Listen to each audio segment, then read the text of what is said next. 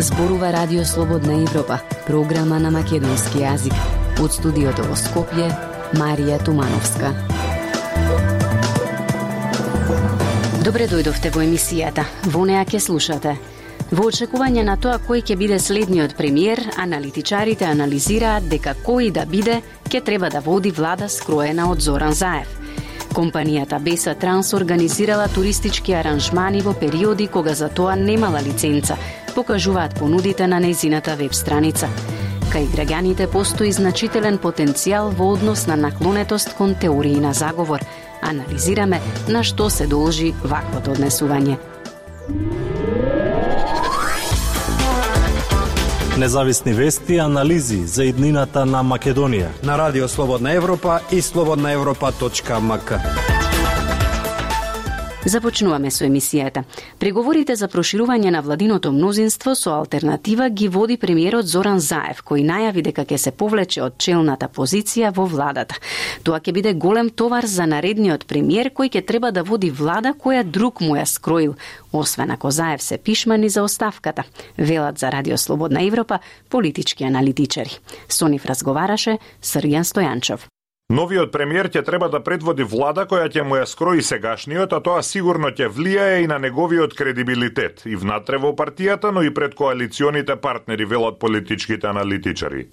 Тоа ги подгрева и сомнежите дека актуелниот премиер Зоран Заев може да продолжи да ја води владата. Заев, кој поднесе оставка на лидерската позиција во СДСМ, најави дека ќе се повлече и од местото премиер, преговара за влесна алтернатива во владата со што ќе обезбеди парламентарно мнозинство. Тој најави дека ќе поднесе оставка во владата по завршувањето на преговорите со алтернатива и откако ќе го види исходот со Бугарија за Македонија да добие датум за преговори за членство во Европската Унија. Во моментов и власта и опозицијата имаат по 60 пратеници во парламентот. На преговорите со лидерот на Алтернатива Африм Гаши, Заев е придружуван од заменик министерот за финансии Димитар Ковачевски, кој се промовира како нов лидер на СДСМ. Тој денеска и официјално поднесе кандидатура за лидерската позиција во партијата. Кандидатура поднесе и поранешната подпредседателка Фросина Ременски. Политичкиот аналитичар Сефер Селими вели дека ова е многу невообичаена ситуација и ваквите преговори не може да произведат влада која ќе има полн политички легитимитет. Ако новиот премиер доаѓа во функција а, да предводи влада која е скроена од а, друг премиер или друг лидер на партија, тоа подразбира дека тој би бил на некој начин поставен како а, технички премиер кому ќе му пали политички легитимитет, а без кој тешко може да се направат големи работи и да се носат тешки одлуки.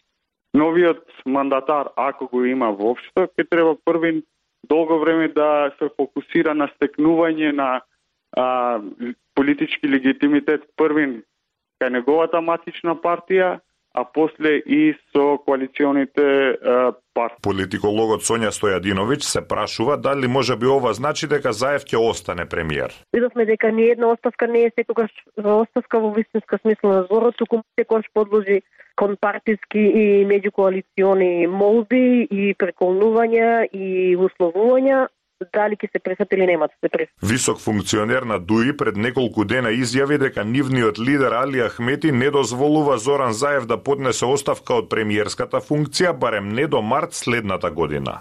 Тие се надеваат дека на 14 декември Македонија ќе добие датум, а до март наредната година ќе ги почне преговорите за членство во Европската Унија. Токму затоа и Селими е резервиран за најавената оставка на Заев. Слободна Европа. Следете на на Facebook, Twitter и YouTube. Компанијата Беса Транс организирала туристички аранжмани во периоди кога за тоа и немала лиценца, покажуваат понудите на нејзината веб страница. Според податоците од Министерството за економија, лиценца за туристичка дејност добила во декември 2020 година, но една од понудите датира од мај 2019 -та. На оваа тема работеше Зорана Гажовска-Спасовска. Автобусот кој се запали во Бугарија е во собственост на компанијата БС Трансбта. Според излагањето на министерот за транспорт и врски Благој Бочварски, компанијата поседувала две лиценци за работа за внатрешен и надвршен транспорт на патници и двете сега се неважечки. Првата е одземена, а втората истечена. Фирмата Беса Транс поседувала и лиценца за втора дејност, бе лиценца за вршење на туристичка дејност, која ја добила во декември 2020 година од Министерството за економија. Тоа значи дека со оваа лиценца компанијата имала обврска да има само еден вработен и договор со туристичка агенција од каде што ќе смее да ги препродава анажманите. Но според објавените понуди на официјалната страна на компанијата, очигледно е дека тоа се нивни организирани аранжмани според критериумите на Министерството за економија. За да може една компанија да добие А лиценца за туристичка дејност, односно да организира туристички анажмани. потребно е да има најмалку 4 вработени лица и банкарска гаранција од 100.000 евра. Дел од собствениците на туристичките агенции со кои разговараше Радио Слободна Европа предупредуваа дека токму во овој сегмент многу често забележуваат злоупотреби, односно фирми како Беса, кои се занимаваат со транспорт и организираат тури исто како да се агенција, само без обврските за банкарска гаранција од 100.000 евра и вработување на 4 лица и без А лиценца. Но според објавените туристички понуди на веб страницата на Беса Транс, се гледа дека таа фирма организирала тури уште во 2019 година, кога според податоците од Министерството за економија немала лиценца за такво нешто. Во мај 2019 година Беса Транс нудела аранжмани од три дена во Истанбул со туристички водич, нешто за кое е потребно најмалку лиценца од Б категорија, која издава Министерството за економија. Потоа во јануари 2020 година е понудена иста тура во посета на Капали Чаршија и неколку џамии во Истанбул. Но се тоа е спорно затоа што во регистерот на Министерството за економија за лиценцирани туристички агенции до 2020 година не е евидентирана фирмата Беса Транс.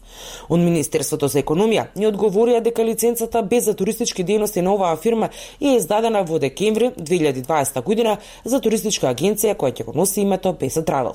Превозници на патници кои нудат екскурзии или шопинг тури без лиценца за туристички дејности не се редка појава, велат луѓето од оваа фела. Мирче Пешевски, собственик и управител на туристичка агенција која 30 години работи на македонскиот пазар, вели дека клучен проблем е снесоодветното спроведување на контролата за почитување на законите.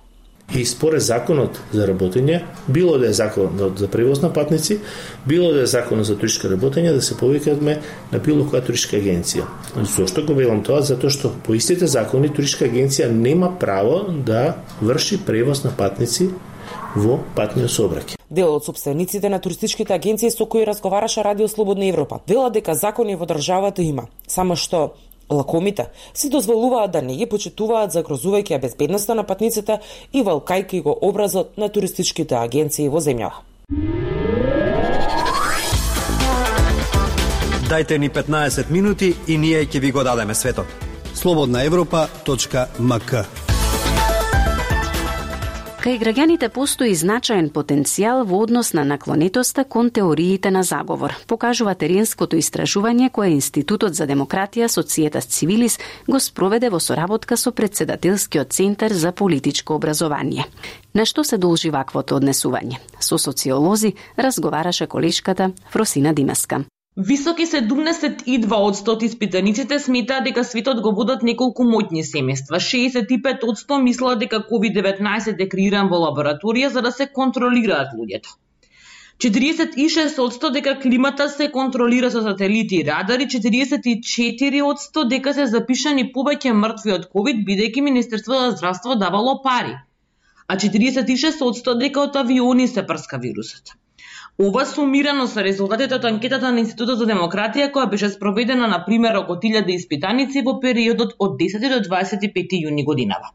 Влора Ричица, истражувачка и раководителка на Центарот за парламентарна поддршка и демократизација во институтот што ја спроведе анкетата за Радио Слободна Европа, вели дека преку овие резултати од истражувањето се гледа дека кај граѓаните постои голема недоверба во демократските водечки институции, но и во други чинители, политичари, политички партии, медиуми и така натаму. Тоа создава плодна почва нели за граѓаните да веруваат во теорија на заговор поради огромната недоверба и не само тоа, постои огромна доверба во теорија на заговор поради недостатокот на медиумска писменост и нели лошото и неквалитетно образование. Но за споредба со на Бугарија која важи да земја со најнизок степен на на вакцинација против COVID-19 во Европската Унија и за земја чии граѓани најмногу веруваат во конспиративните теории, Сепак тој процент е малку понизок споредено со верувањата на македонските граѓани. Универзитетскиот професор социолог Ѓорѓи Тоновски напоменува дека постојат вакви верувања за ковид пандемијата на секаде низ светот,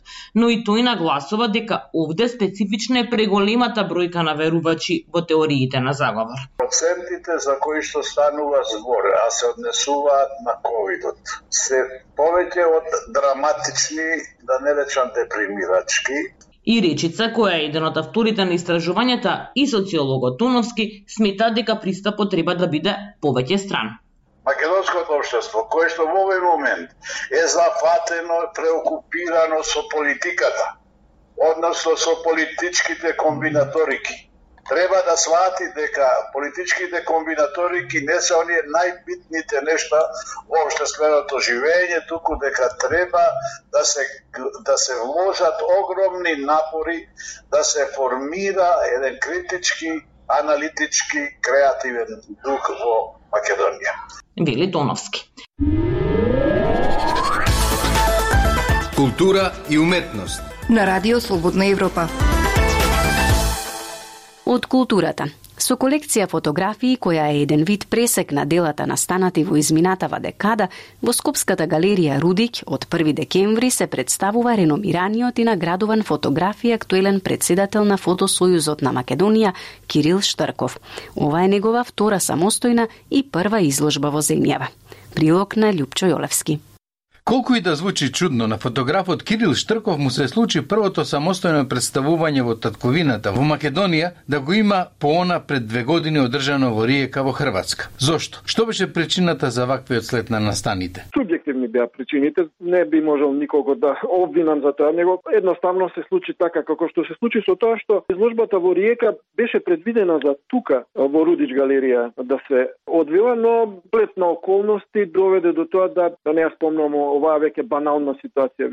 Ја живееме, а многу често и се вадиме на тоа. Но објективно беше проблем да се направи таа изложба. На вистина се сретнавме со нешто ново, нешто многу опасно како што се виде. Изложбата во Риека беше попукана од организаторот и малку не, што би рекле штипјани, не превари. Малку порано дојде и а, така да ние имавме испечатено, подготвено, се подготвувавме кај Боро и пак ќе речам се случија работите како што се случија и замина за Хрватска. Колку ова што сега го представувате на публиката во Скопје е поразлично од она што го понудивте на поставката насловена како 33? Идејата останува иста, но изложбата некако да растеше. Во меѓувреме се случија и некои нови фотографии кои некако ја дополнуваат, јас би рекол бидејќи се тоа фотографии од десетина години на назад мој, се чувствува таа промена на пристап, можда би зрелост, е тоа ќе кажат нели луѓето што се бават со тоа, ако структурата не се промени, приодот оној главниот со помош на Боро кој извонредно искусен и кој знаеше да ја најде таа прска меѓу фотографиите, он ја направи таа структура за риека и так и се викаше 33 поради бројот на фотографии, на 30-тина со тоа што негде 7-8 фотографии не ме држи за збор, променивме, но сам дека тој визуелен естетски момент не не е ни малку промен. И по ваквото самостојно деби на еден зрел и искусен фотограф, размислува ли Кирил Штрков може би за почести средби со публиката? Искрено кажано, јас имам многу материјал, многу пати со Боро сме разговарали, имам многу интересни идеи кои се повеќе некаков концепт отколку одскокнува значи од самото представување на фотографија повеќе се концептно. Тој како идеја дека ќе биде тоа набрзо не би рекол би сакал да видам ова како публиката ќе го прими како ќе реагираат пред се колегите мои многу ми значи тоа. Имам материјал но не би и размислувам да? Но веројатно не би било тоа брзо. Некако работите треба да созреат, да дојде се на свое место, концептот што го спомнав пред малку е мощно интересен и се надевам дека и тој во догледно време ќе смогнам била и да го представам пред публиката. Толку во оваа емисија ја слушавте програмата на македонски јазик на Радио Слободна Европа. Од студиото во Скопје ве поздравуваат Дејан Балаловски и Марија Тумановска.